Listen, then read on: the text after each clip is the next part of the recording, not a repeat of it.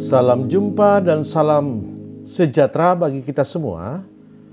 Pada kesempatan saat ini kami dari GPB Getsemani Cirebon akan melayani Bapak Ibu dan saudara-saudari di mana pun berada dalam program Mutiara Jiwa yang ditayangkan melalui Radio Suara Gracia 95.9 FM. Adapun firman Tuhan yang hendak kita baca, dengar, dan renungkan pada kesempatan ini terambil dari Perjanjian Lama, yaitu pada Kitab Amsal, pasal 13, ayat pertama hingga ayatnya yang keenam. Namun sebelum kita membaca dan merenungkan akan firman Tuhan, Bapak, Ibu, dan saudara-saudari, terlebih dahulu kita berdoa memohon penyertaan dan pertolongan Roh Kudus. Oleh karena itu, mari kita bersatu hati dalam doa kepada Tuhan. Ya Bapa yang rahmani, ya Kristus Sang Pengasih kehidupan, dengan kerendahan hati karuniakanlah kami melalui roh kudusmu. Di saat kami hendak mendengarkan firman Tuhan, melalui program live Mutiara Jiwa yang ditayangkan dari Radio Suara Gracia 95.9 FM. Agar melalui roh kudusmu dapat memimpin kami untuk mendalami segala kekayaan firman-Mu Bahkan kami boleh mengerti di dalam kehendak Tuhan, di dalam firman yang kami baca. Serta kami disanggupkan untuk melakukannya dalam panggilan hidup kami selaku orang-orang beriman. Terpujilah engkau ya Bapa, kekal selama-lamanya. Amin. Bapak, Ibu, dan Saudara, saya akan bacakan pembacaan dari kitab Amsal pasal 13 ayat pertama hingga ayat yang keenam yang berbunyi demikian bagi kita. Anak yang bijak mendengarkan didikan ayahnya, tetapi seorang pencemooh tidak mendengarkan hardikan. Dari buah mulutnya seseorang akan makan yang baik. Tetapi nafsu seorang pengkhianat ialah melakukan kelaliman. Siapa menjaga mulutnya, memelihara nyawanya. Siapa yang lebar bibir akan ditimpa kebinasaan. Hati si pemalas penuh keinginan tetapi sia-sia. Sedangkan hati orang rajin diberi kelimpahan. Orang benar benci kepada dusta, tetapi orang fasik memalukan dan memburukkan diri kebenaran menjaga orang yang saleh jalannya, tetapi kefasikan mencelakakan orang berdosa. Demikianlah pembacaan firman Tuhan. Berbahagialah mereka yang mendengarkannya dan melakukannya di dalam kehidupan hari lepas hari. Terpujilah Kristus, Hosiana. Bapak, Ibu, dan Saudara yang terkasih di dalam Tuhan kita Yesus Kristus dalam kalender pelayanan gerejawi GPIB Getsemani Cirebon memaknai minggu-minggu ini adalah minggu-minggu prapaskah. Dalam minggu prapaskah ini kita melalui firman Tuhan di bawah terang tema jalan orang saleh hendak memahami, memaknai Minggu Prapaskah ini dalam kehidupan pertobatan yang ditandai dengan bagaimana kita hidup berjalan sebagai orang saleh. Bapak, Ibu, dan saudara yang diberkati Tuhan, jikalau ditanyakan pendapat kita masing-masing, jika saudara, bapak, ibu dikatakan sebagai orang fasik dikatakan sebagai orang jahat atau dikatakan orang tak bermoral, maka jawabannya semuanya sama. Pastinya kita tidak akan menerimanya. Kita keberatan. Keberatan ini jelas kita punya argumentasi kuat bahwa penilaian semacam itu sungguh tidak benar adanya dan bahkan tidak ada dasarnya. Lalu bagaimana jika saudara dikatakan sebagai orang fas, orang saleh? Dikatakan bahwa saudara adalah orang benar. Atau juga bisa dikatakan bahwa Bapak Ibu dan Saudara adalah orang-orang yang taat melakukan firman Tuhan rasanya kita senang, rasanya kita juga bisa setuju dengan penilaian demikian. Bapak, ibu, dan saudara, Kitab Amsal adalah buku kumpulan ajaran moral dan pandangan hidup yang luas dalam corak puitis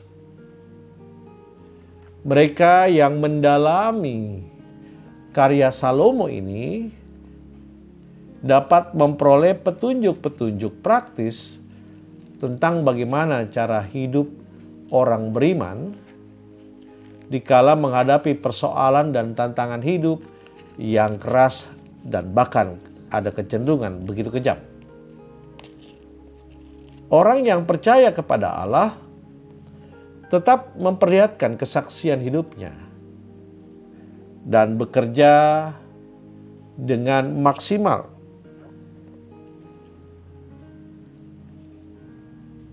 Sebagaimana alam mencontohkannya, seperti semut yang bekerja mengumpulkan makanannya. Salomo sendiri telah menulis kurang lebih 3000 amsal.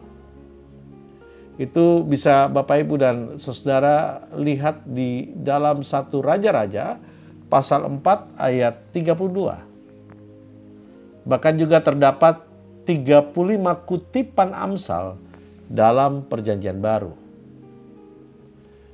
Pertanyaan mendasar bagi kita adalah, apa artinya saudara beribadah pada hari ini. Apa artinya saudara membaca Alkitab dan merenungkan firman-Nya? Apa artinya saudara berdoa dalam keheningan kepada Allah? Jawabnya jelas sekali bahwa semuanya dimaksudkan agar Bapak, Ibu, dan saudara, dan juga saya hidup dalam kehendak Tuhan. Dalam bahasa agamawi kita, kita berperilaku sebagai orang saleh, menjadi orang yang teguh dalam mempraktekkan ajaran Tuhan. Di sini, kesalehan bukan dalam rangka meningkatkan keberadaan status sosial atau mengejar popularitas.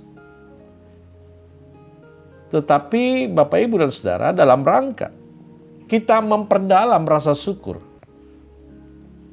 dan menjawab panggilan berkarya demi kemuliaan nama Tuhan. Alkitab memuat berbagai contoh hidup orang saleh seperti Abraham atau juga Ayub. Kualitas hidup orang saleh sangat berbeda dengan orang fasik atau orang jahat.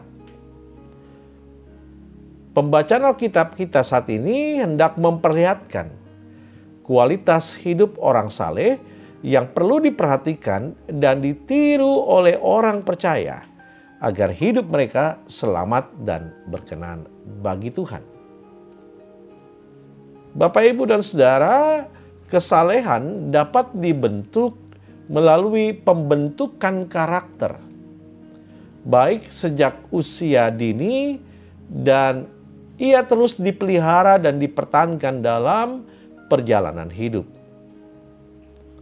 Lalu, sebagai orang tua, kita bertanggung jawab dalam membentuk anak-anak kita dengan karakter yang baik dan terpuji.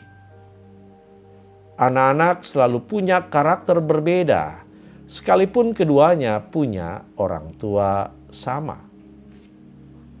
Anak bijak dengan jelas diidentifikasi sebagai anak yang berhikmat. Anak bijak akan mendengarkan nasihat orang tuanya, sebab banyak hal yang baik yang disampaikan demi keberhasilan dan kesuksesan masa depan hidup mereka. Pendidikan budi pekerti sudah dimulai dari dalam keluarga, ketika orang tua mengajarkan nilai-nilai kebenaran kepada anak-anak mereka. Bentuk kesalehan yang perlu dikembangkan adalah hidup dengan kata-kata yang baik. Perkataan-perkataan baik adalah hasil dari pendidikan karakter yang baik. Dengan kata-kata yang baik, seseorang akan memperoleh rezekinya.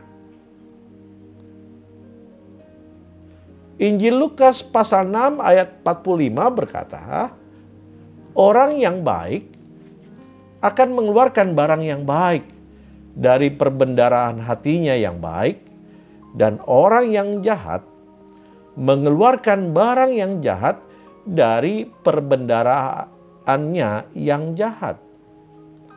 Karena yang diucapkan mulutnya meluap dari hatinya. Dengan karakter yang baik, maka hidup orang benar mampu mengendalikan diri dengan benar. Rasul Yakobus pun menasehatkan bahwa betapa bahayanya penyalahgunaan lidah. Itu bisa kita lihat dalam Yakobus pasal 3 ayat 6. Reputasi seseorang terhormat jika perkataan-perkataannya terukur dan lembut, sehingga mendatangkan sukacita dan pengharapan, dan juga penghargaan dari yang lain. Hidup orang saleh memiliki keunggulan komparatif ketika hidup mereka jauh dari kemalasan dan penipuan. Mereka yang saleh senantiasa hidup dengan perilaku yang jujur dan rajin dalam bekerja untuk mengusahakan rezeki bagi hidup rumah tangganya. Hati nurani orang benar tidak tenang dengan kata-kata dusta. Integritas mereka senantiasa diuji sehingga menolak terlibat dalam kerjasama dengan orang yang jahat, orang yang suka menipu, orang yang suka memperdayai orang lain. Ketika orang saleh hidup dalam ketaatan, kerendahan hati, kerja keras, dan kebenaran, maka hidupnya senantiasa beroleh keselamatan jauh dari celaka dan musibah. Jadi, Bapak, Ibu, dan saudara yang diberkati Tuhan, Firman Tuhan saat ini mengajarkan kepada kita untuk berjalan menurut jalan orang saleh. Jalan ini adalah yang dikendaki Tuhan agar kita masing-masing tidak akan tersesat dan menyimpang ke kanan dan ke kiri Menjalani hidup saleh bukan soal rencana atau impian yang hendak dilaksanakan, pada lima atau sepuluh tahun yang akan datang. Kesalehan hidup adalah ketaatan yang terpancar lewat sikap hati, perkataan, dan tindakan hidup kita kepada Tuhan dan sesama manusia. Jelas, kesalehan sungguh membawa dampak positif, sebagaimana orang-orang Kristen di Eropa yang menjadikan mereka hidup rasional, yang menjadikan mereka disiplin, hemat, rajin bekerja, gemar menabung, dan berorientasi sukses. Kesalehan meningkatkan produktivitas kerja dan kebahagiaan hidup. Lalu Bapak Ibu dan Saudara, bagaimana dengan mereka yang hidupnya fasik? Bagaimana, bagaimana mereka yang hidupnya tanpa aturan Tuhan? Samakah akhir hidup mereka dengan orang saleh? Alkitab memuat kisah air hidup orang fasik sebagaimana kisah air bah pada kejadian 6 ayat 17. Atau pada kisah menara Babel kejadian 11 ayat 1 sampai 9. Atau peristiwa Sodom dan Gomora kejadian 19 ayat 24 hingga yang ke-25. Penghak kehakiman Allah semacam itu adalah kepastian dan bukti dari keadilan dan kasih Allah pada manusia. Walau demikian, Allah tetap mengasihi manusia secara keseluruhan sebagai busur yang ditaruh di langit. Allah tidak menghendaki seorang dari anaknya terhilang melalui kematian dan kebangkitan Tuhan Yesus, maka Allah mendamaikan dirinya dengan manusia berdosa. Itu termuat dalam Roma 3 ayat 25. Pertobatan dan pembaharuan hidup total akan membawa pengharapan akan janji kerajaan sorga. Karenanya Bapak Ibu dan Saudara, jalan orang saleh bukan jalan yang mulus bahkan mudah.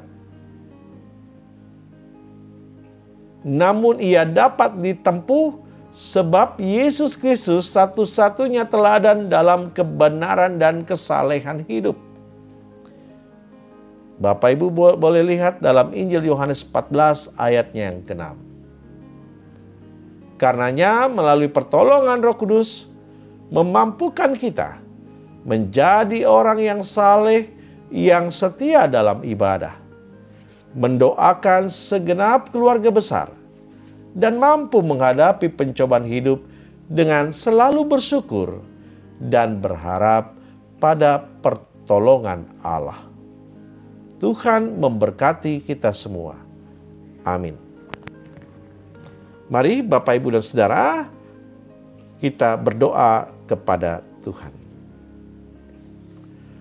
Bapa yang kami sembah dalam putramu yang tunggal, Tuhan kami Yesus Kristus, kami patut bersyukur jikalau hari ini kami sebagai pendengar dalam program live Mutiara Jiwa diingatkan oleh firman-Mu agar kami hidup dalam keberadaan pribadi yang memiliki karakter yang baik, yang taat, yang setia, yang benar, yang saleh di hadapan Tuhan.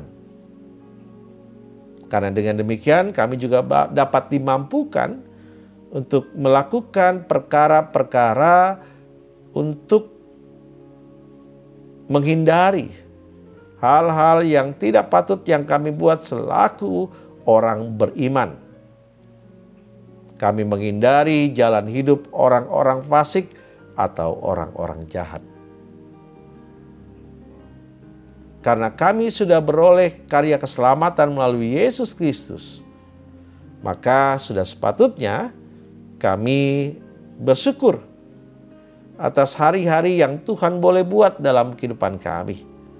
Tidak hanya dalam peristiwa yang menyenangkan semata, tetapi juga pada peristiwa-peristiwa yang berat sekalipun, baik itu duka cita, baik itu musibah, baik itu di saat kami sakit, kami tetap merasakan bagaimana Allah tetap setia memelihara dan lindungi kami.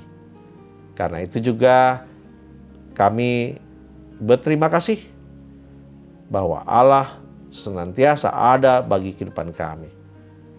Bapa yang pengasih dalam doa ini, kami juga akan menaikkan berbagai permohonan menyangkut kehadiran gereja-gereja di seluruh muka bumi ini. Secara khusus, ketika keberadaan gereja-gereja di kota Cirebon ini boleh ada dalam persekutuan pelayanan dan kesaksian. Kiranya dengan panggilan-panggilan tugas pelayanan dalam persekutuan dan kesaksian, di dalamnya tetap Tuhan berikan ikatan yang saling mengasihi dan mendukung untuk mengabarkan berita damai sejahtera-Mu ya Bapak.